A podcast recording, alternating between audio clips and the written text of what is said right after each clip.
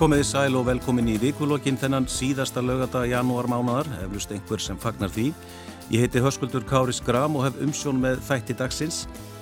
Þetta er búin að vera ansi merkileg vika, það stemdi í politist uppgjörmiðli stjórnarflokkana á alþingi en það mál tók óvænta stefnu þegar Svandi Svavastóttir matvalar á þeirra tilkynnti að hún væri farin í veikindalefi. Nú ríkistjórnin bóðaði nýjar aðgerðir vegna ástandsins í Grindavík. Það stóð upp úr þetta lovorðum að ríkið kaupi íbúðareigundur út að hluta þá eftir að útfæra þessa aðgerð og svo vinna stendur yfir, mörgum spurningum ósvarað þar. Svo flosnaði búr kjaraviðraðum á almennum vinnumarkaðu og það mál er komið á borð ríkissáttasemjara. Það verður því ekki sami í þessu mánuði eins og vonir stóðu til. Nú er tótnin að breytast mjög hratt og ekki hægt að útloka verkvöld. Það var tekist á um tjaldbúðir á Östurvelli og skrif utaníkisráð þeirra um það mál. Það var líka tekist á um Eurovision og hvort Ísland eigi að taka þátt í þeirri keppni. Og veturinn myndi heldur betur á sig hér á Suðvesturhorni landsins með snjópil og margir ökumenn lendu í vandraðum. Það komu nokkrir kvellir og svo voru líka þrjumur og eldingar og ramagt fór víða af. Íllabúnir strætisvagnar runnu til á götum borgarinnar og margir vagnar skemmtust í hálkunni sem skapaðist. En hinga til að fara yfir þetta helsta eru komið þau Flósi Eiríksson, ráðgjafi fyriröndi framkvæmtastjóri starfskenarsambandsins, Lára Ómarsdóttir, fjölmjölakona og Ástildur Lóa Þóstóttir, þingmaður Flokks Fólksins. Verið velkomin. Takk. Takk. Aðeins um veðri sem hefur verið að stríða okkur hérna í höfuborginni. Samtöku yðnarins voru með ráðstefni í hörpu á fymtudag, Guðlugur Þór Þórðarsson, umhverfis og orkumálar á þeirra var einmitt að halda ræðu þegar ramagnir fóru af. Ég veit ekki hvort hann hafa verið að tala um yfirvóndi raforku skort, en lendu þið í einhverjum vandraðum út af þessu ramasleysi og veðrinu? Nei, ekki ég. Nei, ég var bara neinu, sko. heima sko, þannig ég lendi ekki neinu vandraðum heldur. Bara, við erum mjög óspennandi greinilega. ég var, ég var nýri bæ, ég var í skrifstofum farsaflóhafna sem eru hann í hafnarhúsinu og það fór á magnið hafði nú til engin áhrif en yfir hagsögum aðurinn bendi mér þá út um klukkan að það veri gott að hafa ljósa vel af því það var náttúrulega ljósa öllum skipum í, í höfninni og, og þá sá maður þú veist, fór ramagnið eða okkur hlutar ekki okkur 20 myndur og skipti svo sem yngum áli fyrir utan kannski umfæraljósin þannig séð en það er fullt af fólki sem býr við þetta víða um land alltaf að það er að fara ramagnið eða það er að dett út eða það er frost eða eitthvað svolítið svolítið að margir eru með ljósavél í fjósinu eða eitthvað starf svona ég held að þetta hafi komið alltaf merkilega inn í þessar umræður um orkumál sko annars vegar. Þetta tímabunna ramagsleysi í 101 og síðan náttúrulega eldri gósið á virkjarnasvæðinu söðu frá mm -hmm. svolítið að ég er ekki að segja að Guðlúður Þóra hafi planað þetta en þetta hafi Þetta hefur allavega öruglega áhrif inn í þá umræðu svona um þessum orkumál og orkuskort og hvort þessi orkuskortur eða ekki. Svolítið að þetta var svona, þetta var svolítið sniðut innlegg í þá umræðu. Svo, minna, þó að fara ramagn í 20 minnir ekki eitthvað skipti svo sem engum móli, þannig, eða hlutar ekki eitthvað. En þetta er náttúrulega ekki fyrsta skipti sem að ramasleysi kemur sér vel fyrir, fyrir ákveðin málstað. Þið munir nú að suðunisum þegar það fór af ramagnir lengi vel og, og hérna þá var búið að vera þrýstingur á að fá að leggja suðinu sér línu -hmm. Uh, og það var nú bara samtíkt þannig að skömmu eftir það. Þannig að þetta getur alveg hjálpað í þeirri umræðu svo sem. Já, já. en það, það sem að vakti bara fyrðu mín að við þetta ramasleysi var það að, að það skildi slá út í Reykjavík út af einhverju sem átt að hafa gerst uh, á suðunisjum en þess að þessir, þetta er ekki tengt, við erum ekki að fá ramagn Reykjavíkur þaðan Og, og hérna, þannig að það var eiginlega svona það sem ég þótti merkilegt við þetta ramaslýsi ekki, sko, þannig sín eitt merkilegt að ramagni fari af einstöku sínum hér og þar um land og líka í Reykjavík sko, en það var bara að orsökina ég hafa verið ykkur staðar á suðunissu sem ég þótti áhugavert. Já. og ég er ekki viss sem um ég kaupi þá skýringu. Ég þekki ekki teknilegu ástæðu þess að ramagnir fóra Þú segir þetta, ég, ég veit það ekki. En maður fattar það alltaf í, þegar ramagnir þeir úta að þá fattar maður hvað maður er háður ramagnir Svakalega bara... þessi tæki í kringum hann og, og tala, tala ekki um ljósin og annað sko. Þannig að uh, það skapaðist náttúrulega hálfgeirt öngfetti hérna á göttum borgarinnar Já. að meðan þessu stóð það var nú verið líka sko. það var verið líka það var verið líka, það var bæði blindbílur og hálka og ramaslöst og eitthvað sko það að það er ótrúlega komin tókst að lendi í 30 áraugstum og 20 myndum. Já, en þetta var samt til þess að það myndaðist uh, umferð að teppa viða um borg. Fólk satt alveg upp í 2 klukkutíma í umferðinni fast. Mm -hmm. það, þó að veist, þetta hafi bara verið 20 mínútur, þá, þá hefur það bara þessi keðjuverkandi áhrif út í allt alla umferð sem koma, þetta var á óhefnum tíma þetta var svona rétt fyrir sítegistrafikina og þannig að Ég- einn áreikstur og þá er bara veist, einn áreikstur á til dæmis bara í ártusbrekkunni bara setur alla ártusbrekkunni á hliðina sko. Ég sá, að- það var einhver til dæla lipur maður á Twitter eða fyrrum Twitter, X-inu, eða hvernig maður segir það, sem benta á það að meðan dagur var borgarstjóri það hefði nú alltaf verið tekið ruslið, aldrei verið tekið ruslið, en það hefði þó alltaf verið ramagn. Núna var einu teku við og þá var ekki einu sinni ramagn, en kannski takaði ruslið. þetta hefði nú verið öðruvísi á degi, þá hann hefði reyndir ekki tekið ruslið, en það hefði alltaf verið ramagn á borginni. Já. Já, það er alltaf vera að móka snjó en, en, en þá er of mikill hávaði líka í vélunum en, en svo sem ekkert að fara í það mál en, en uh, förum í annað ástildur þið í flokki fólksins voruð búin að leggja fram vantrust og svandísi áður en þessi tilkynning kom frá ráþur á mánudag Já. Eh, þið dróðu tilhörun tilbaka er þá þetta mál bara búið það ykkar mati? Sko, það var náttúrulega alveg sjálfgefið að draga þetta tilbaka. Ég meina, þeirra er ekki þarna til þess að svara fyrir og, og maður, veist, þetta var náttúrulega bara alveg, það, það var aldrei neina spurning. Um, það breytir því ekkit að, að það sem var gert var gert og það verður bara komið ljós hvað við gerum en, en já, það er alveg eins vist að við leggjum þetta fram aftur þegar að ráð þeirra er komin vonandi bara heil og, og, og bara heil og, og, og í, við góða heilsu tilbaka. Já, Þannig að hérna af því að eins og ég segi það breytir því ekki að þetta var gert. En þið voru náttúrulega svolítið að reyka fleig í stjórnarsamstarfi leiðinni, það, það er alveg augljóst líka, auðvitað náttúrulega eru þið með þetta prinsipatriði, maður áttur að, ykkar mati bröð lög, en uh, þetta var líka gert í pólitísku tilgangi, það er alveg augljóst. Já, sko, þú veist, þetta er náttúrulega hugsanlega, já ég veit það ekki, ég menna að okkar mati, það var náttúrulega bara mjög skýrt þarna umbóði, eða þarna áliti sem kom frá umbásmann Alþingis og ráðherra verður að fara lögum, ef að ráðherrar fara ekki að lögum, hvert eru við þá komin og að ráðherra skuli svo bara segja, þetta voru svo gömu lög, það náttúrulega nær ekki nokkur einustu átt sko. Þannig að hérna, þannig að e, þetta er ekkit bara gert til þess, stjórnaranstaðan er ekkit alltaf bara í einhverjum pólitísku leik, leikjum, hún er líka, hún er yfirleitt líka bara að standa á prinsipum sem skipta máli og hennar hlutverk er að veita stjórninni aðhald, ríkistjórninni og ef að stjórnaranstaðan, hver sem hún er hverju sinni eða hver sem er í ríkistjórn hverju sinni, ekki, leifir bara alls konar hlutum bara gerast hvað í nafni einhvers friðar eða eitthvað þess þar. Stjórnaranstaðan ber ekkert ábyrð á stjórninni eða ríkistjórninni eða hvernig samstarfi þar er.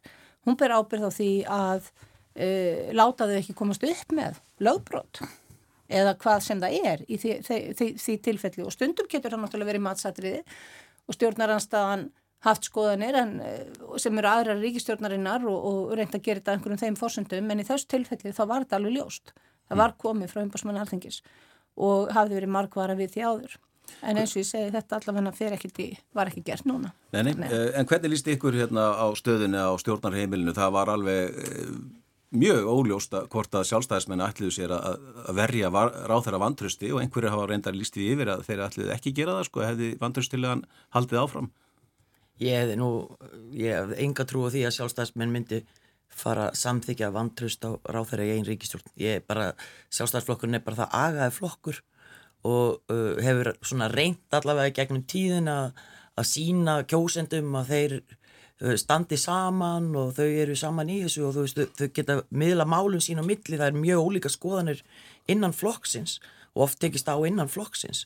En ég ég, ég allavega sá það ekki fyrir mér að þeir myndu samþykja vantrust á, á ráþæri í einn ríkistjórn og síðan, þú veist, já, ég veit ekki kannski hefði Svandís bara átt að gera eins og Bjarni færa sig bara í eitthvað annar ráðuneyti.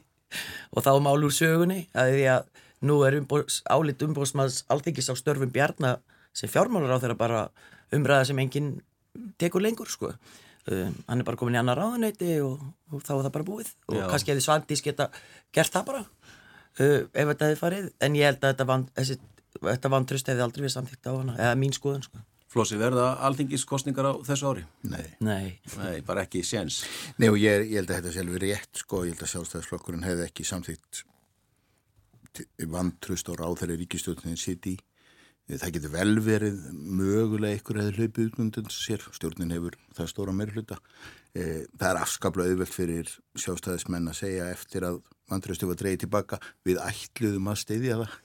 ég veist, það nú svona frekar léttar yfir lýsingar fullri, fullri vinningu fyrir þeim öllum og, og ég hef ekki nokkra trú á að, að hérna þessi ríkistjóttgerana en að setja á tímbilið. Það er reyndar alltaf gott að hafa í huga þegar menn er að spá og spekulera. Harald Vild, hérna Macmillan var spurður fósittisræður á Breitlands, hvað var erfiðast að eiga við í stjórnmálum, hvort það var efnaðasmál eða er það utrækismál eða talað upp svona og hann sagði atburðir, það er vest að eiga við atburði, mm -hmm. nákvæmlega það getur, getur eitthvað komið upp sem við sjáum fyrir og ef við horfum á ríkistjórnir sem hafa sprungið svona í, í, í sögu nærri okkur þá sáum við ekki fyrir að uppreist æru til dæmis er þetta til þess að það springir ríkistjórn mm -hmm. svona, og ég held að það er engin álitskjafi þótt að ég hef ekki nokkrast trú að þessi ríkistjórn fari frá fyrir bara í kostningum ég er, alveg, ég er algjörlega sammála þessu. Þau eru búin að sína það uh, þessi ár sem þau eru búin að vera saman að þau ætla, ætla sér að klára þetta verkefni. Mm. og, og hérna og er mjög einurð í því.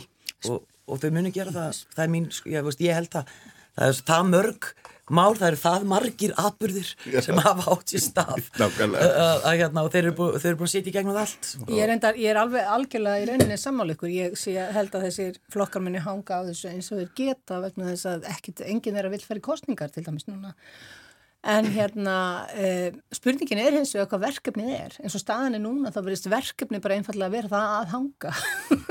Skilur þau, það eiginlega verðist vera verkefnið. Þannig að, hérna, uh, og vonandi reyna að, að bæta stöðun eitthvað fram að kostningum, sko. En svo bara að sjá hvernig það gengur, sko.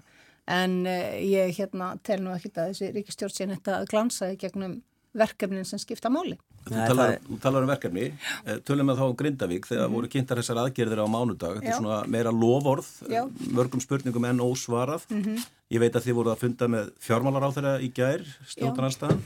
Eh, Kanski er eitthvað trúnaðar í kringum það, það þau störf en, en er vinnan langt komin?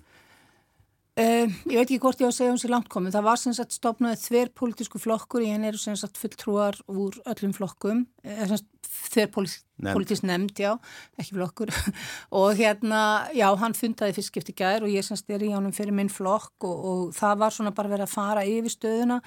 Um, kannski ekki sérstaklega trúnaður en, en, en heldur ekki ástæðu kannski til þess að fara yfir. Þú veist það eru svona tölur er ennþá svolítið á reiki og það verður að reyna að finna út úr og við, við munum funda fljótlega í næstu viku aftur og þá verða vantarlega línur farnar að skýrast á fjármálráðunetinu En hvernig er fyrir þessi vinna fram? Er þið að koma einhverja tilugur eða eru þið bara að sitja og fá upplýsingar? Já, við náttúrulega vorum að fá upplýsingar en, en hérna við komum að sjálfsögðu með tilugur og, og hérna Eh, eitt af því sem að ég laði nú áherslu á þarna var eh, að því að það er alltaf verið að tala um kostna ríkisins og þeir eru að tala um, þú veist það verið að tala um að ríki þurfa að fara í langtökur til þess að, að gera þetta og það muni e, til þess að hjálpa greindvíkingum og það muni auka á, á hérna verbulgu og hækka vexti og allt það.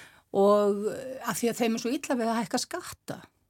Og nú er ég nú ekki mannski sem að tala mikið fyrir því að hækka skatta, ég er ekkit á því að það er alltaf að vera að gera það. En mér finnst þetta þurfa að setja hans í samhengi. Um, ef þetta er fjármagnar með skuldsetningu þá munir þetta hafa áhrif á verbulgu og allt það, allavega er það sagt hvort sem að hérna það er rétt. Og það er nú alveg um, þú veist, tækifærið er allavega alveg klárlega nýtt til þess að hækka vexti vegna þess að það eru bara, hér eru aðilar á landinu sem hafa bara virkilega hagnast á verbulgunum og hækkum vaksta og það eru bara mjög valdamiklir og, fjársterkir aðilar. Um, og heimilin eru mjög mörg komið vel við þólmörk og önnur eru bara nálgastu ófluga og á þau hafa semst fyrir lagði vexti sem að valda 200-280.000 og tölum eins og þessum í hérna sem sagt í aukningu á útgjöldum í hverjum einasta mánuð og þau bara er ekkert að ráða við þetta. Þau ráð ekkert við, þú veist, það ræður enginn við þetta til lengdar, þetta er hægt í smá tíma en þau bara lenda hvert á fætur öðru núni vandræðum og er náttúrulega verið að vísa þeim yfir í verð til lán sem er annars saga. En En þetta leggst bara eiginlega alfarið á þau sem að minnst hafa.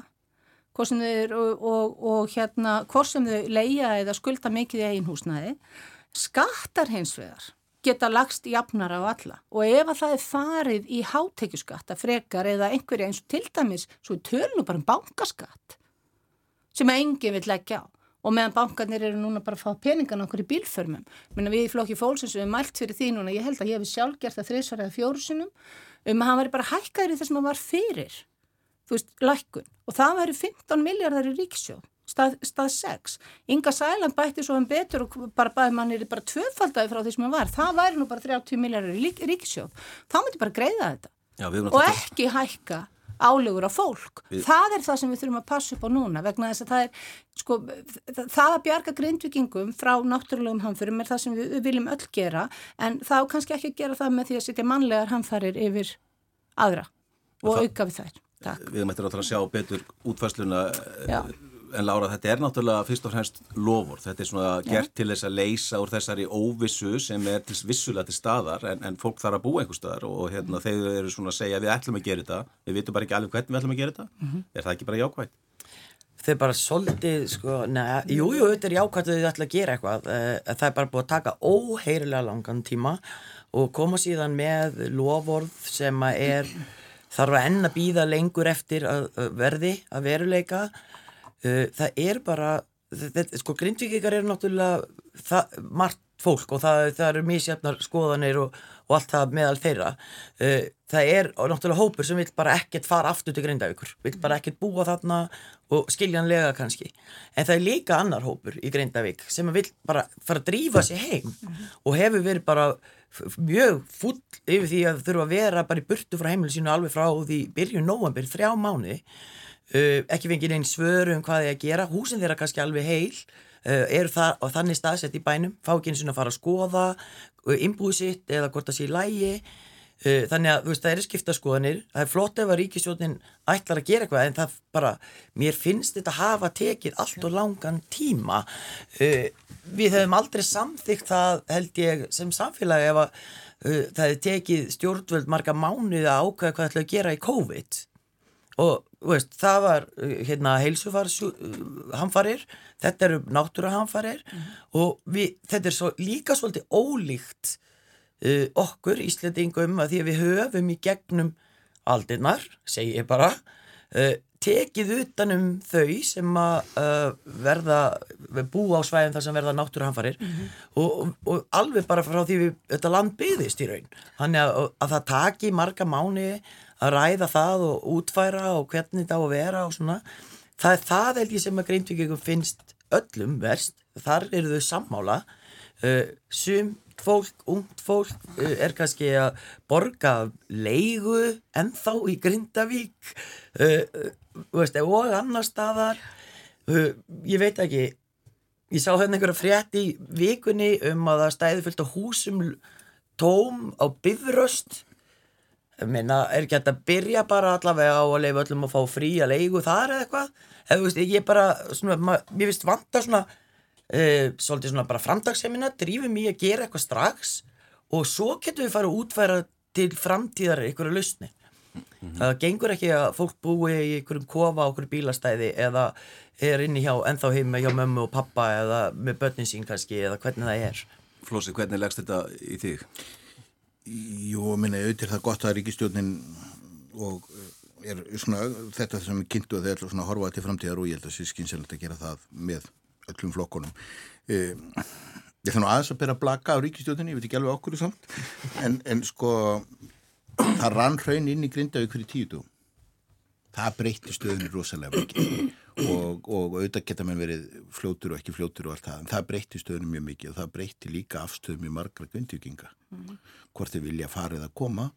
Uh, og ég hef, myndir nú halda að það væri líka með marga sem þarna búa svo afstæða breytist á hverjum degi. En eru náttúrulega alveg opbúslega skrítnu uh, umhverju ástandi, það eru nýja frettir uh, og svo framvegis og framvegis og, og síðan uh, var mjög leið á yfirvöldum að hleypa mönnu meira inn og fara að gera hérna meira fyrir álum mánu eða þrjum aukum hvernig það var og það komi ljósað við stóðum okkur ekki vel í því og höfum okkur alls ekki í öryggismálum eins og ætti að gera í því efni og það verða hérna mjög daburlegt döðaslis svolítið að, að, að, að menn þurfa bæða að flýta sér og fara varlega. Og við skulum nú vona menn, menn hitti á það og, og, og auðvitað þurfum við sem samfélagi einhvern veginn aðstofa menn við að kaupa þá út sem þarna vilja ekki vera og velta fyrir sér hvort með vilji vera. Og það er nú eitt af því sem Íslendingum hefur ekkert alltaf gengið vel í náttúruanförum með snjóflóðum um all land. Það var alltaf voruð óurilegar deilur um hvað ætti að, hvað ætti að rýma hvað ætti að verja og hvað ætti að banna fólki að búa og svona. Svolítið að, að svona, við höfum kannski ekki den til að frábara reynslu í því heldur og, og ég held að hluta til að því stafi af svona stjórnskipulagi hjá okkur að þegar það kemur komið svona hamfarir almannavarnir og, og, og til þess bæri aðeinar eru hérna lýsifur og síðan er þetta bara kerfið á staðnum. Lauruglustjórun á staðnum og bæjastjórun á staðnum og og allt er þetta vanda og gott fólk og vil gera það besta en það er kannski ekki endilega sérfræðingar í þessu.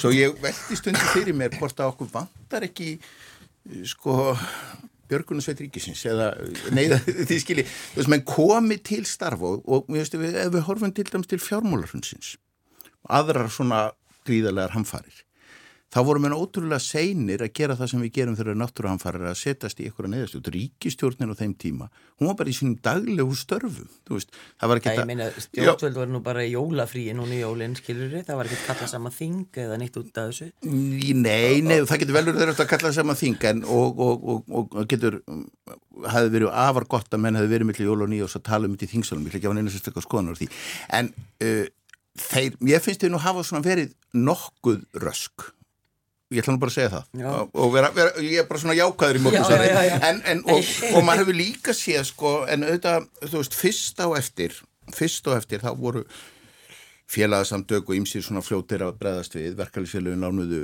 íbúðuna sínar, geta það ekki lengur mm -hmm. veist, og, og hérna menn voru að bjóða aðstöðu hér og hér og, hér og þar. Uh, og ég ætla að nota tækifærið að því Köruboltin í Grinda eitthvað verið að spila hjá okkur í breðabliki og allt er góð með það en þeir eru sem sagt með þorrablótið í Grindavík í smáranum um næstu helgi svo við auglýsum það bara. En þessar uh, bráðabyrða ráðstafinu, við verðum að fara að komast út úr þeim, ég er alveg samanlega því, við verðum að fara að hafa ykkur að sjá eitthvað fram í tíman og, og hvernig þau ætlar að hugsa til langs tíma. En, en ef ég í sko- Grindavík ef ég byggi í Grindavík, þá er ég ekkit vissum ég væri til ég að svara því og eftir hvort ég ætla að fara eða koma. Nei, en þú þarf náttúrulega að fá að sjá líka möguleikana og, og, og, hvernig verður uppgreðslan hvað, hvað verður, hvað situr eftir? Er byggt í brunabóta mat menna borga í förgunarkjaldi og svo framvís og framvís og framvís og framvís En ja, þegar þú talar um að það er bara tíu daga síðan að raun, raun rannin í Grindavík uh, í Vestmanneja gósinu sem er síðasta gós þar sem að raun var rannin í byggð eða þar sem að, uh, já, sem við vorum við byggð þá var lögð á það öll áhersla frá uppafi að bjarga verðmætum úr bænum og bæði verðmætum frá hérna atvinnufyrirtækjum og hýpulum fólks. Þannig að það voru skipar hópar uh, heimamanna sem að þekkja aðstæður best og þekkja gamlar gjótur frá nýjum uh, sem að fóru með lista og sóttu egnir fólks úr íbúðum.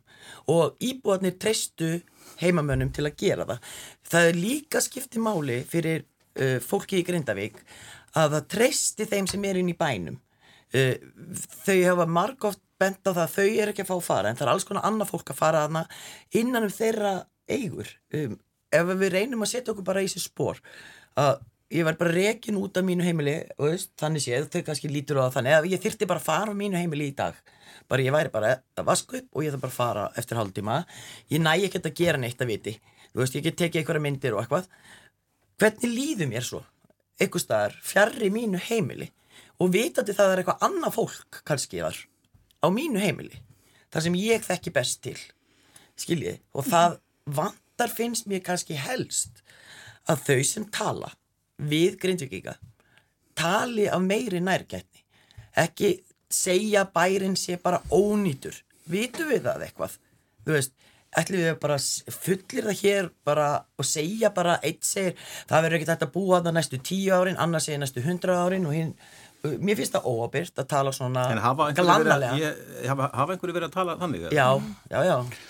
Það hafa til dæmis hérna jarfræðingar segja það veist, og, og líka bara fólk veist, bara á, á Facebook og eitthvað starf er bara búið döð á dæma bæinn. Þannig að mér fannst til dæmis Sigurður Ingi koma vel frá því þegar hann var spurður út í þetta. Og hann, en, en, og hann sagði, að... hann er á fyrsti sem segir ég ætla ekki að dæma heilan bæ döðan í dag en, en þegar þú segir þetta, ég held að það sé kannski rétt eða ég veit það ekki.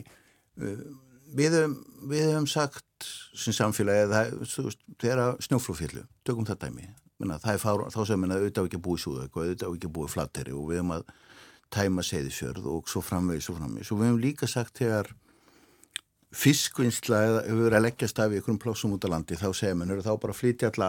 Við erum alltaf í umræðunni. Og ég segi við, þá er mér nefn við Íslendingar ég held að ég segi alltaf með. Við ættum náttúrulega bara ekki að eiga heima á Íslandi Nei, þá. en við erum alltaf að segja þetta það er nokkuð hægt að búa þar. Er nokkuð byggilegt þar. Og þegar að í Vestmanniðum fyrstu dagan og eftir, þá voru allir sammálu um að það er aldrei búið þar aftur. Þa, það var fyrsta viðbræði en ég er alveg sammálu, ég, ég hef enga treystum ekki til að hafa neina skoðun á því sko, en, og auðvitað þurfum en að, að gæta sín í umræðunum en þú veist, menn eru líka búin að segja um það að það sé óbyggilegt á hafnafyrði í hafnafyrði og öllunum og, og, og, og mér finnst gaman að hlusta á vísindamenn sem eru að velta fyrir sér hvað gæti mögulega gerst skiluru við, við, erum sprungu, við erum með sprungur undir beigð hérna í Norrlíkaholti bara svo það það þekktar sprungur alveg eins og var í Grindavík það voru þekktar sprungur, það er þekktar sprungur á völlunum náttúrulega og það er raun við höfum byggt í raunni um all land. Hafnarfjörður stendur uh, döldi á raunni uh, Já og bara við Ísland er bara náttúruhamfara land og hefur alltaf verið og, en við erum samt búin að þrauka hér í meirið þúsund ár og, og einhvern veginn höfum við gett að gera það.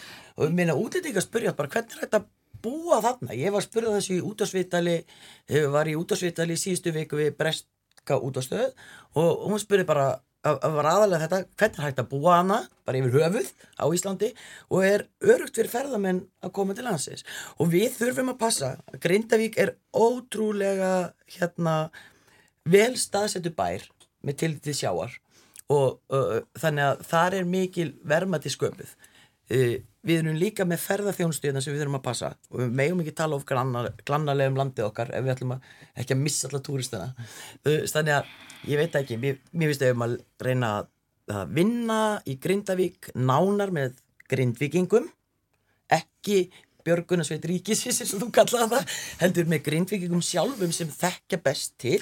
Já. og síðan uh, og flýt okkur. ég held að sé alveg samanlega með heimamönnum en það sem ég meina stundum þegar við erum að týna saman uh, resource eða sem að þau tækja tól sem við höfum þá vantar okkur svona stundum yfirstjórnina og, og við séum fljótari til að grýpa inn í Erum við ekki með yfirstjórn, erum við ekki með almannavarnir og allt það? Jú, en þeir eru almannavarnastíðinu, eru... skiluru, og síðan þeir eru almannavarnastíð hættir, þá taka aðri við og svona, ég... og mér hefur sínst það í nokkrum af þessum hamförðum sem við erum að klíma við gegnum tíðin. Þeir eru með grindviking og heimamenn sér til ástóra staðnum, ég veit það. Já, ég veit það líka, en ég, og... ég held að sömar af þessum ákvörðunum, en... við sáum til dæmis að vera ákvöða hver er þetta að fá að fara inn fyrst, mm. eftir fyrstu, mm. þær voru við skulum segja margskonar og ekki teknar af því ég held nákvæmlega svo segir heimafólk, göttunum sem það þekkir það er að hleypa því inn en ekki öðrum og svo frá þess en auðvitað er ég ekki sérfræðingur í þessu en mér finnst, ég held að stundum meg við stýra þessu betur. En er einhvern tímamörg ástildur á þessari vinnu? Já, ég held að bara, það er bara með að við að klára hana sem allra fyrst og í næsta mánuði. Um ég get alveg hérna sagt það þegar Ríkstjónum kom þarna fram um daginn ég hugsaði, hún, þau sögðu ekkert. Þau sögðu við ætlum að grípa ykkur en þau sögðu ekkert hvernig og í rauninu voru greintökingar engur nær. Við þurfum, sko það er hérna, við verðum náttúrulega fyrst og fremst að það verður að hlusta vel á greintökinga og ég var nú á íbúðafundinum þeirra í lögutarsöllum daginn og þar Já, ég bara sko dáist að róseminni í fólki og það verið hafa haldið í húmórin þrátt fyrir þetta allt saman og, en það var líka mjög ákveðið þessum stóðu fram og, og, og stíðu fram á töluðu og það var greinilega mjög ákveðin viljið þar um að fá skýrsvör og vera hreinlega keift út þannig að þau gætuð allavega eiga kost á því að vera keift út það eru sumir sem vilja það ekki og vilja mm. taka tíman aðeins í að hugsa sér um og annað mm. og það verður bara það verður algjörlega virða það. En, en hérna það sem fólk vill er að geta bara tekið ákvarðunum sína framtíð. Og við þurfum að búa þannig hæginn fyrir þau að þau, að þau geti það. Uh, ég, held að, ég, ég held að það myndi engin mótmála því að mistök hafi á einhver, einhvern tíum punktu verið gerð. En ég held líka að sko grindvikinga fengur náttúrulega farin í bæin þarna áður en að, já, ég menna, nei, það, það var alveg, ég menna bærin var opinn, það mátti vera þar og allt það, alveg og já. allt það, þannig að ég held að, en ég held kannski að mjög margir hafi ekki endilega farið og bjargað kannski öllum sínum verðmætum að því að, og búslóðum annað vegna þess að þeir bara heldu að þeir kemur aftur, svo breytti hraunið öllu og nú verið að stoppa. Já, já, það, það er náttúrulega annað vingill á þessu Já, máli já, sem kom fram í þessari viku þau kynnt þessu aðgerðir þá kemur Bjarni Bendilsson og líka Þórtís Kolbrún Reykjörg Gilvardóttir fjármálaráþur að stíga fram og segja þetta hafi áhrif á getur ríkisjós til að mæta kröfum verkalýsreifinga sem eru núna í kjara viðræðum það er þetta búið að vísa þeirri, þeim viðræðum til ríkisáta sem eru Sko, maður ma áttar sig ekki almennilega á því hvað gerðist en það urðu vendingar í þeirri viku sem að leti til þess að samtök aturlýsins einhvern veginn uh, breyttu sínu tilbóði, málið fór einhvern veginn í hnút og, og, og ríkisáttar sem er komið með þetta og það er ljósta kannski að þessi krafa verkefnisreifingana um að, að, að bótakerfi veri styrt, hún mun kannski ekki mæta mikill í velvild eins og staðan er núna hjá ríkisstjórninni út af því að það er mikið ála á ríkissjóði.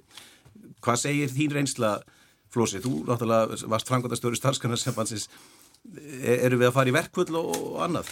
Það er alltaf snemt að spáði hvort það mennir að fara í verkvöld og, og það kom í svo sem ekki óvart að, að þetta færi til ríkisáta sem er að það setur hlutina svona í ákveðin farveg, ákveðin, ákveðin formfestu. Uh, fram að þessu hafi þetta verið fundir sem, rík, eins og ríkisátt sem er sjálf, sagði sjálfur, ég, sé, ég er minniháttar embættismadur sem séum að hella upp á kaffi en, en þetta setur þetta svona í ákveðina formlega stöðu en, en auðvitað voru það vonbreið og ákveði bakslag að að heyra svona þessi jákvæði tótt sem var hérna uppi, hann, hann gekk tilbaka uh, og það stafar vantalega af meiningamunum tilbúðinn og, og, og menn eru svo sem að rífast um að korta hvernig, hvernig ber að taka þeim að því þau eru um, samasettum í mörgum öðrum þáttum en beinulögnahekkunum og auðvitað uh, hefur það mikil áhrif ef að ríkisstjórnin, ríkisvaldi sveitafélagin í landun hafa minni minna bólmag til að koma því. Að því það hefur nú verið svoleiðis kannski það tókst fyrstu tvö árun eftir að lífskjara samningunum var gerð, fyrstu tvö-þrjú árun þá var haldið verulega aftur af hækkunum, verðlags og gælskrárhækkunum sem var til þess að það var svona raumuruleg kjarabút. Það hefur segiðan ekki tekist. Og það þýr það að það skiptir í lengum máli hvað er samið um við borðið. Fastegnugjöldin taka vennilega tvöfalt það sem menn semjum eða hvað sem er, svolítið að kjarabútin hverfur og það hefur ekki tekist heldur að hækka bara leggstu launin sem er svona áherslu atriði og því að þextin er, má kannski segja að verkefælisreifingin sé ekki öll við borðið því þeir, svona, það eru svona ákveðin reyfasendur og þú hlustar ópera starfsmenn að BSB til dæmis þá eru menn ekkit endilega að tala fyrir þessari leið. Ég er þeirra skoðunar eða ég hugsa það stundum alltaf að við sem samfélagum höfum ekki yngan áhuga á því að hækka, hækka leggstu launin í raun og veru. Við tölum öllum það við erum öll sammála um það, við þurfum endilega að hækka leggstu launin og þetta er alltaf lág laun og við ætlum að hækka leggstu launin. En eina sem ég held að við séum svona inn í okkur sammála um að leggstu launin með aldrei nálgast okkar laun. Svolítið, ég held þetta sjálf ótrúlega mikið í kæftinum á okkur afsækið árbræðið, en við erum öll sammála um það að verða að hækka leggstu launin. Og svo leið og hækstu launin nálgast okkur eða eitthvað þá fyrir við að tala um að það þurfa að meta hérna, ábyrð og það þurfa að meta reynslu og það þurfa að meta mentun og svo bla bla bla. Svolítið að þetta er einna vand hvæðunum sem henn eru að glýma við núna á vinnumarkaði að ég held að það séu bísna margir sem eru í orði fylgjandi að hækka legstu launin en svo lengi sem hann nálgast ekki þeirra kaup. En ef það næst ekki samkómulag á vinnumarkaði og við erum að fara að sjá aðgerðir sem munu leiða til þenslu á fastegnamarkaði erum við þá að fara að fá herri og frekari stýrivexti ofan í allt þetta, þetta hamfara ástand sem við erum að glíma við þessa dagana?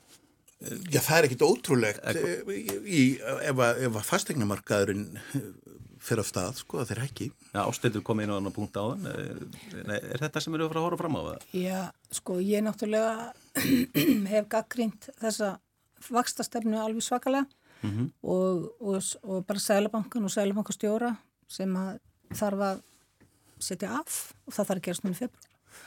En hérna allavega að þetta, þetta bara greinilega er ekkit að virka þessi stefna. En já, ég er alveg klára á að þeir noti tækifærið ef að það fyrir allt og, og haldi áfram þessari bílun.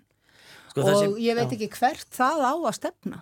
Vegna þess að sko eins og ég hef margóft sagt, verðbólka, skulum bara segja 10% verðbólka, hún þýðir að þú ert með 100.000 krónir útgjöld 10.000 krónir viðbót á mánuði og þú ert með 500 úrskónir útgöld 50 úrskónir í viðbót og það er verið að bjarga okkur undan því með því að leggja á okkur 200.000 til 200 til, og háttum við 300.000 krónur á mánu. Þetta náttúrulega virkar ekki. Því með því að gaggrina selabakastóra þá er þetta eins og gaggrina laurugluna, það er alltingi sem setur laugin og, og stefnuna fyrir selabankin. Já, ég meina selabankin hefur alveg fleiri tæki og ef við erum með fólk í vinnu og það segir bara það eina sem við getum gert er að hækka vexti þá hefum við ekkert þetta fólk að gera þannig, þá getum við bara nota tölvu.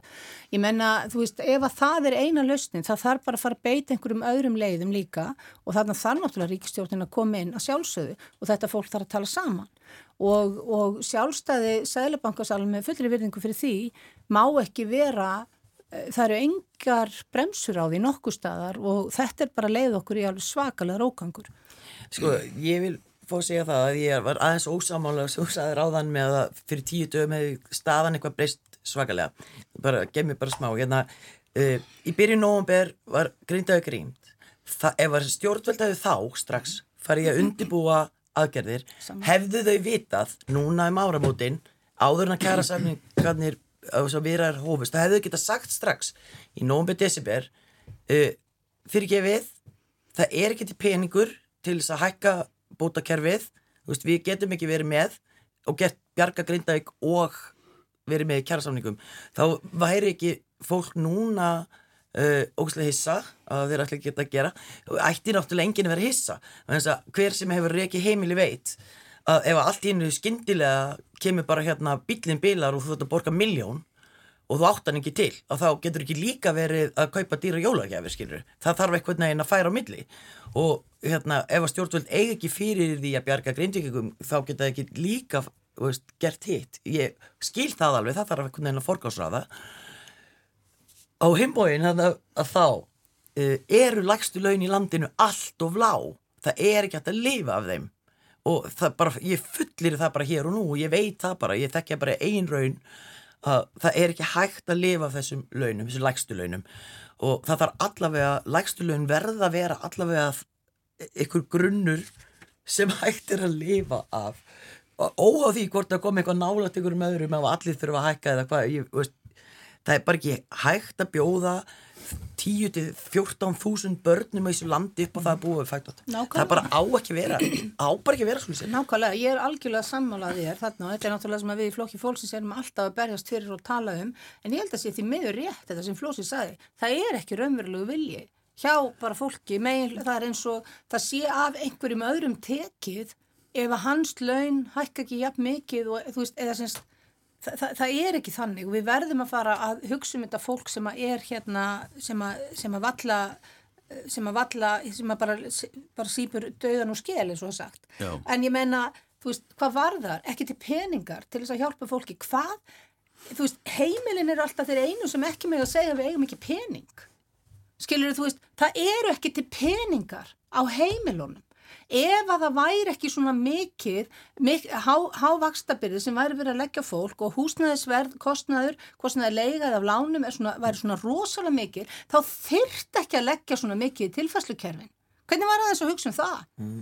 Þá að Ríkisjóðu taki bara lán fyrir þessu öllu saman? Nei, ég vil ekki að Ríkisjóðu taki lán. Ég bara vil að hann, hérna, það, það er til fullta peningum í þessu tjóðfélagi Já. og hann er bara fastur hjá ákveðum aðilum og ef við bara, ég bara, mér er bara mjög gott dæmi þetta með þess að ofbóslu hræðslu við að leggja á bankaskatt vegna þess að lækun bankaskattsins hefði engin áhrif á það á lækun gælda á fólk. ef að lækunin hafði engin áhrif og skilaði engum ágóð til neytenda akkur eftir hækkunin ekki þá bara fara beint á almenning? Já sko, hvað, þú veist, hvað geta þeir hækka meira? Sko vegna þess að þeir eru að hækka um þetta. Já, já, þeir geta hækka býta um eitt ég ætla að segja það. Segjum bara gjaldskrána það er miklu, miklu, miklu minna heldur en það sem að vextinnir hafið för mig svo ef að Sælabankin myndi setja og það væri sett bara lög um hvað vextin mættu vera eða eitthvað þess að það er alveg hægt að gera hluti. Vaks, sko, gjaldskráðira eins mikið eins, eins, eins, það er hægt að ræða hana í þaula en hún hefur ekkit svakalega áhrif á buttuðin í hverjum einasta mánuði, ekkit í líkingu við vextina nei, sem þeir eru að veita og við þurfum bara kannski aðeins þarna að fara að horfa á þetta svona að það er ekki hægt að segja ríki getur ekki staðið og lagt allt þetta eða, eða leifta þetta sé allt saman lagt á heimilin og sagt svo við hefum ekki pening til að bjarga ykkur.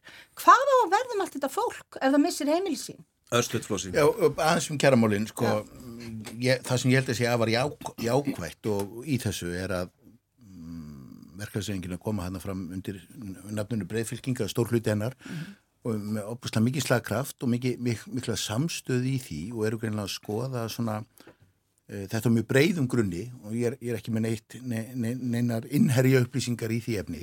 Að, að, að, og auðvitað það ríkju sveitafjölu og aðra að koma að því. Og bara það eins og nokkur sveitafjölu hafa gert þegar í staða líst yfir að ekki að hækka gjaldskránu nefnum 2,5 og eitthvað svona hefur gríðarlega mikil áhrif. Svolítið að ég held að við hefum ekki að vera mjög svarsinn en ef að ríkistjónin hefði sagt í nógumber að það var ekki til peningar í þetta þegar við ætlum að berga grindvikingum, þá væru verkvöld núna. Já, þú meinar. Svona því sem, það hefði verið, það hefði svona eiginlega verið að mæta með elspýtur í partíi, sko. Já, já, já. Já, þau er hérna flósi þau sitja hérna flósi Eiríksson, Ráðgjafi, Lára Ómarsdóttir, Fjörmjölakona og Ástildur Lóa Þórsdóttir, Þýgmaður flokks fólksins. Ég verða að fá að skipta um umræðefni, við getum alveg haldið áfram að tala um þetta, en uh, mér langar að ræða hans þessa fæslu sem Bjarni Beintisson byrti á Facebook í lok síðustu viku um tjálbúðir palestinumanna og stuðningsmanna þeirra á Östurvelli, hann gerði aðtóðasendi við þessa tjálbúðir og, og margir samála honum og setti þetta í samhengi við stefnu Íslands varðandi hælisleitendur. Hvað fannst ykkur um þessa fæslu svo byrja á þér ástildur? Ég menna, ég veit það ekki, mér fannst, ég, ég, hérna, ég, er, ég hreinlega hef ekki lesið hana, en ég bara sé fjallað um hana og hérna, Bjarni setti þarna fram skoðun á þessum tjaldbúðum og, og, og hérna, það eru mjög margir sem eru sammála því, aðrir eru það ekki, um, en hann tengdi þetta hins vegar, hvað tengdi hann þetta við grillvikinga eða hvað tengdi hann þetta við? Og glæpastarfsemi. skipulaði glæpastarfsemi. Það var kannski svo sem alveg óþarfi hjá hann að gera það. Lára, hvað fannst þér? Já, þetta var uh, sko, ef ég hefði verið ráðgjafi fyrir Bjarna þá, þá hefði ég nú ráðlagt hann um að, að, að setja hann ekki svona fram. Uh, ég skildi alveg hvað hann var að meina. Ég skil fólk sem finnst þetta sóðalegt á einhvern nátt uh, en það er líka sóðalegt það voru líka sóðaleg mótmæli þarna eftir hrun okkur með einasta lögadegi og stundum langt fram að nætur og með miklu sóðalegri mótmæli. Það var afar uh, van hugsa eða óhefnilegt allavega af honum að tengja saman uh, fólk sem er þarna að mótmæla við þá sem er að sækja um alþjóðlega vernd. Mér langar svo að hætta að nota þetta hælisleitandi orða því það stendur hverki í lögum. Þetta er bara fólk sem er að sækja um alþjóðlega vernd sem að það á rétt á samkvæmt lögum alþjóðlögum og það var óhefnilegt að spyrða það síðan við upplýsingar frá Europol um skipulega glæpastarsemi vegna þess að það eru ekki fólkið sem er að sækja um alþjóðlega vernd sem að Europol er að vara við Europol er, er að mónitora og fylgjast með skipulegri glæpastarsemi og þá erum við að tala um fólk sem að má bara flytja hengað út af, eh, út af hérna, EES-samningnum það er ekki sama fólk og er að koma frá Gaza og sækjum alþjóðlega vend. Þannig að spyrða þessu öllu saman og, og, og, og það, það var, það var, hérna fannst mér afar óhefilegt af hann um að gera það. Flósi. Já, mér finnst þetta kannski verið tvent. Það er annars verið að, að mótmæli og tjálpúðunar og slíkt og, og mér, mér finnst að fórustumenn í líðræðslegu samfélagi eigi ekki að finna mótmælum. Og eins og mótmælum voru eftir raun og þessu og fleiri, þá eru vennilega fjölda mótmæli og þegar fólk kemur svona mótmælir, það er að því það finnst ég ekki eiga neitt annan kost. Mm. Verkvöldur eins, útifundur eins.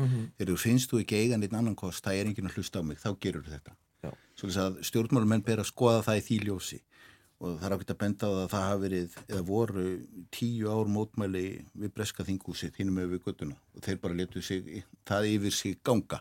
Svolítið að, að, að ég held að menna ég að fara mjög varlega með þetta og segja bara ok, sóðalegt ekki svolítið, það er bara svolítið, það eru mótmæli og við búum í líðræðslu samfélagi maður verður bara að kingja því. Og, og allt, allt er besta með það og bara sjálfu sitt fyrirmyndar menna á áhuga á sínu Ég held aftur um þetta sé alveg rétt sem Lára segir og ef við tökum hinn vinkilinn, sko, pólitíkina, það hefur verið óhefnilt að blanda þessu öllu saman og kannski einhverju leiti vanhugsað. Og þetta er svona tvenskunum. Við þurfum annars verið að ræða hvernig við ætlum að standa að uh, málefnum þeirra sem hinga að flytja annar staða frá, hvort sem þeir koma með gegnum sjengen eða hvort þeir eru að sækja um heim, hæli og svo framvís og framvís. Og við þurfum að ná utan það og við þurfum að geta að talað um það saman án þess að þú sér annarkort kallaður sko rassisti eða stuð, sérstakur áhugamaður og stuðnismadur Hamas. Já, Það nákvæmlega. er eitthvað, það er eitthvað Nákvæmlega. og maður geti kannski sagt maður geti, þú veist, og við, við höfum ekki fundið þann takt og, og, og, og ef við sleppum svona öfgonum í, í þessu þá vantar okkur þennan að þetta ræða það hvernig við viljum gera þetta eins og fólk mm -hmm. eins og svo okkur sér sómi af og það er opaslega merkilegt til dæmis, ég var eins fyrir að vinna út á landi þar sem eru víða fólk sem er fætt annar staðar mm. og, og svo tala menn hér í, í bænum um veist, að það sé ekki þú veist að hérna fiskald út á landi það sé bara einhverjir farandverkamenn útlendingar sem er nýði og svo framins og framins mm -hmm. uh, svo kemur ég marga stað út á landi og þá segja mér, mér leiði svo þegar ég tala um þetta fólk sem útlendingar, það er búið að búið inn í 10 ár eða 15 ár, eða það býr hér það, það er hér. hér, það er endar fætt eitthvað staðar hannar staðar, mm -hmm. en það býr hér mm -hmm. og, og við þurfum að taka meira þessar umræðu, ef við tölum um legsleinuða fólki,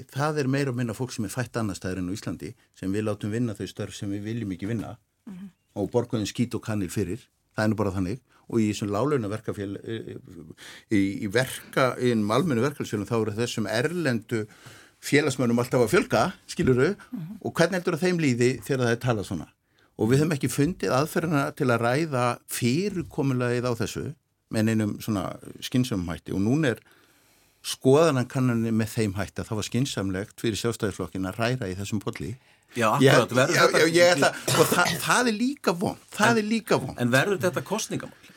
Útlendingamál mm. og svona þessi umræða sem maður yeah. séð varðandi hælisleitur verður þetta kostningamál eftir tvö ár? það er ekki nema einhver vilji gera það að vilja setja þetta eitthvað sérstaklega ótt en þetta verður þetta kostningamál fyrir ykkur fyrir ykkur, já, já. já, já en auðvitað verður við einhvern veginn að geta rætt þessi mál og það var nú svo sem uh, alveg hárið hjá Bjarnar eftir, eftir að hann sett inn þessa óheppulu færslu og þá kom hann og, og, og, og útskýrði hann aðeins betur og hérna og það er alveg rétt hjá hann það má ekki vera ómikið polarisering og það má ekki vera þannig að við getum ekki talað um þetta mm -hmm.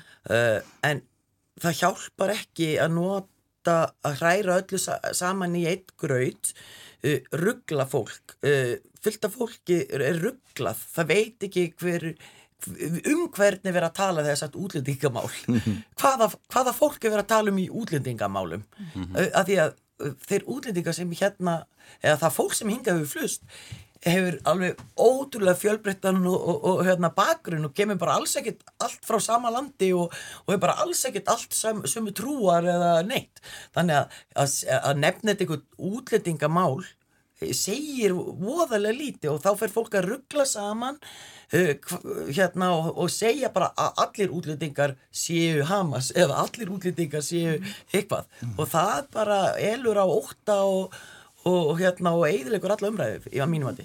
Ástildur, verður þetta kostningamál? Já, þetta, það eru greinilega það, það gæti alveg, það gæti alveg orðið það, ég, ég þór ekki að fara með það, en hérna sko, þú veist, það er alveg það hinga við fjöldi fólks fluss sem hefur bara, er bara já, bara orðið í rauninni Íslandingar og eru bara, eða þannig og eru bara, já, bara ef þau vilja það, þá eru þau það og eru að vinna hérna og hafa, þú veist, eins og, eins og sagt er oft aðlegast þessu samfélagi og svona, ég held að óttin er mest við það að fólk sem að ekki vil aðlega samfélagunum sem að við höfum kannski séð í löndunum og vitum af í löndunum í kringum okkur og þar er kannski ákveðin ótti á fólki við hvað minni gerast ef að, ef að við fáum upp þannig hópa en ég held að það sé meira heldur en heldur en, heldur en einhvers konar hatur eða eitthvað þess áttar og, og alveg rétt ég teku undir þetta sem að Flósi saði sko við verðum að fara að geta rætt þessar hluti að það sé bara að ef þú spyr spurninga þá ertu bara þenn hatursmaður sko þá ertu bara, bara vond manniska það gengur ekki og það, líka bara, það er líka bara kæfur umræðu og það er bara betra umræðan en, sé En, en leiðum við viljum gera það, það. Þá, þá er ég ekki að mæla með því að maður megi segja alls konar skít og ógeð og, og, og eins og og svo segir þau þeim, þeim er mótmælt þá segir fólk að það verður þetta er nú gott fyrir umræðuna. Sumt á ekki teima í umræðinu sumt á bara ekki teima á bara ekki teima í umræðinu þannig að, þegar ég er að tala um að við erum að, að, að tala um hlutina þá er það á einhverju svona einhverju siðlegu eðlegu plani. Já, já. svo eru einhverju kantar eða út, útmörk í því efni sko. já. já. Og svo er alltaf verið að mikla eitthvað að einhvað sé eitthvað ræðilegt ástand í löndunum í kringum okkur eða í löndunum í Evrópu eitthvað. Ég bara uh, veist, verð ekki vör við í lönd þannig sé þegar fólki sem að ég þekki sem býr í þessum löndum sem við erum að alltaf tala um að sé svo ræðilt ástandi. Það er ekki ræðilt ástandi það er bara verið að það er svolítið mikið verið að blása það oft upp finnst mér líka. Og, og, og, og það kemur örgulega til að því að fólk er eins og þú segir réttilega þú veist, það er kannski hrættum að, að fólk vil ekki aðlagast og taka upp íslenska siði og íslensk fött og íslenska tónlist og eitthvað, e- eða veist. En við fyrir líka til út og flytjum ekkert og þá erum við bara með hangikjött og, og þú veist, livrapilsu skilur Já, kannski ekki alveg það sama og, nei. og sumt af því sem að við erum að ræða um sko, Nei, nei, því ég að veit það. það, er- það er En það veist, ekki ég, þetta að- var einföldum Já, En tölum aðeins hérna um annar mál sem að vakti líka aðtikli í vikunni, Eurovision, ég veit ekki hvað sem mikið áhuga þið hafið á Eurovision en, en það hefur verið talað og kallað eftir því að Ríkisjónarbi taki ekki þátt í, í keppninni í ár út af Ísrael og fær að vera með og við munum eftir því að rússum var meinu þáttaka í þessari keppni þegar þeir, eftir að þeir gerði inn á sig í Ukrænu. En hvað finnst ykkur á Íslanda draga sig úr keppninni í ár? Ég hef ekki myndið með skoðan á því að því ég fylgist aldrei með Júrasson en uh, það, ég, ég vil samt segja sko Stefán Eiríksson hérna útvástjóri hann segir að réttilega að ríkis útvarpi á ekki að taka afstöðu málum. Það er rétt. Ég hefði ko- kosið að hann hefði bara ákveðið að segja þar sem að þetta er nú almanna útvarp almenningur á þessa stofnun Íslendingar allir leifum þeim að kjósa. Bara taka Leifum bara- skoðanakonun eða? Já, með bara Bara kjósa. það er bara kostning, við á rúfa vera í Eurovision ekki? Og þá er ríkisútvarpið ekki að taka afstöðu heldur að hlusta á almenning Mhm. sem að á þessa stofnun. Það er svona væri mín lausn. Mér finnst þetta, þetta frábær lausni á henni, Láru, algjörlega. Ég hérna, ég, mér fannst, það sem sló mig er, mér, mér fannst þetta bara, svo ég megið segja, bara algjör aumingaskapur hjá Rúf að setja þetta yfir á keppandan. Ég bara einhvern veginn bara, ég hugsaði bara, þú veist, það er ekkert lítið að bera. Við verðum líka aðtöða, sko, þú veist, fyrir keppendu, þeir eru búin að leggja gríðarlega mikið á sig og þetta er, þetta er mi- mikið hagsmuna mál fyrir bara íslenska tónlistamenn að komast þarna og ég menna eins og eins og þeir til dæmis hjá ABBA sögðu að þe- þetta er eina leiðin fyrir, fyr- fyrir tónlistafólk sem er ekki fætt í Breitlandi að koma sér eitthvað staðar á hvar er- framfæri. Þannig að þú veist, er að segja, við erum að krefjast rosalega mikil, við erum að krefjast ákveðna fórna af þessum einstaklingi eða einstaklingum og líka að eiginlega alveg sama hvað hún gerir, við- hann, hún, hvernig sem það verður, alveg sama hvað viðkomandi gerir, að hann verður gaggrindur á alla kanta og hann ber þetta. Já, en Og hva, það hvar finnst að mér draga- ekki rétt. En hvað eru að draga línuna? Nú leikur fyrir að íslenska karlalandsli í fótbolta Nákvæmlega. á leik gegn Ísrael í undankeppni Evropamótsins. Mhm. Eigum við þá að sleppa því að spila þann leika því að við erum að spila móti Ísrael? Það hlýtur að við hljóttum að vera, fyrir að vera samkvæm sjálfum okkur í þessu. Nákvæmlega. það er bara ekki ríkisútvarpi sem ákveði það að við Nei, ég er ekki um Nei. fótbolta í þeim tilvíkin, menn En við ætlum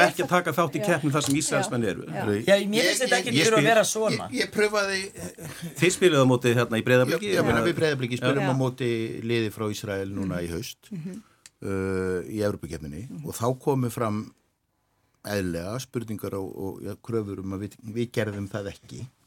Og okkur fannst það uh, að var óþægilegt að uh, Ríkstjórn tók ekki afstöðu, Júfa tók ekki afstöðu, KSI tók ekki afstöðu. Og sem sagt, svo ungmennafélagi breyðablík var allt í hennu fulltrúi þjóðarinnar í, í, í utaríkispolítiskum Já, eins og Uh, keppandinn í Eurovision. ákverðunum og, og þar voru einmitt, eh, strákar búin að vinna sér réttin til að keppi í þessari keppni með mm -hmm.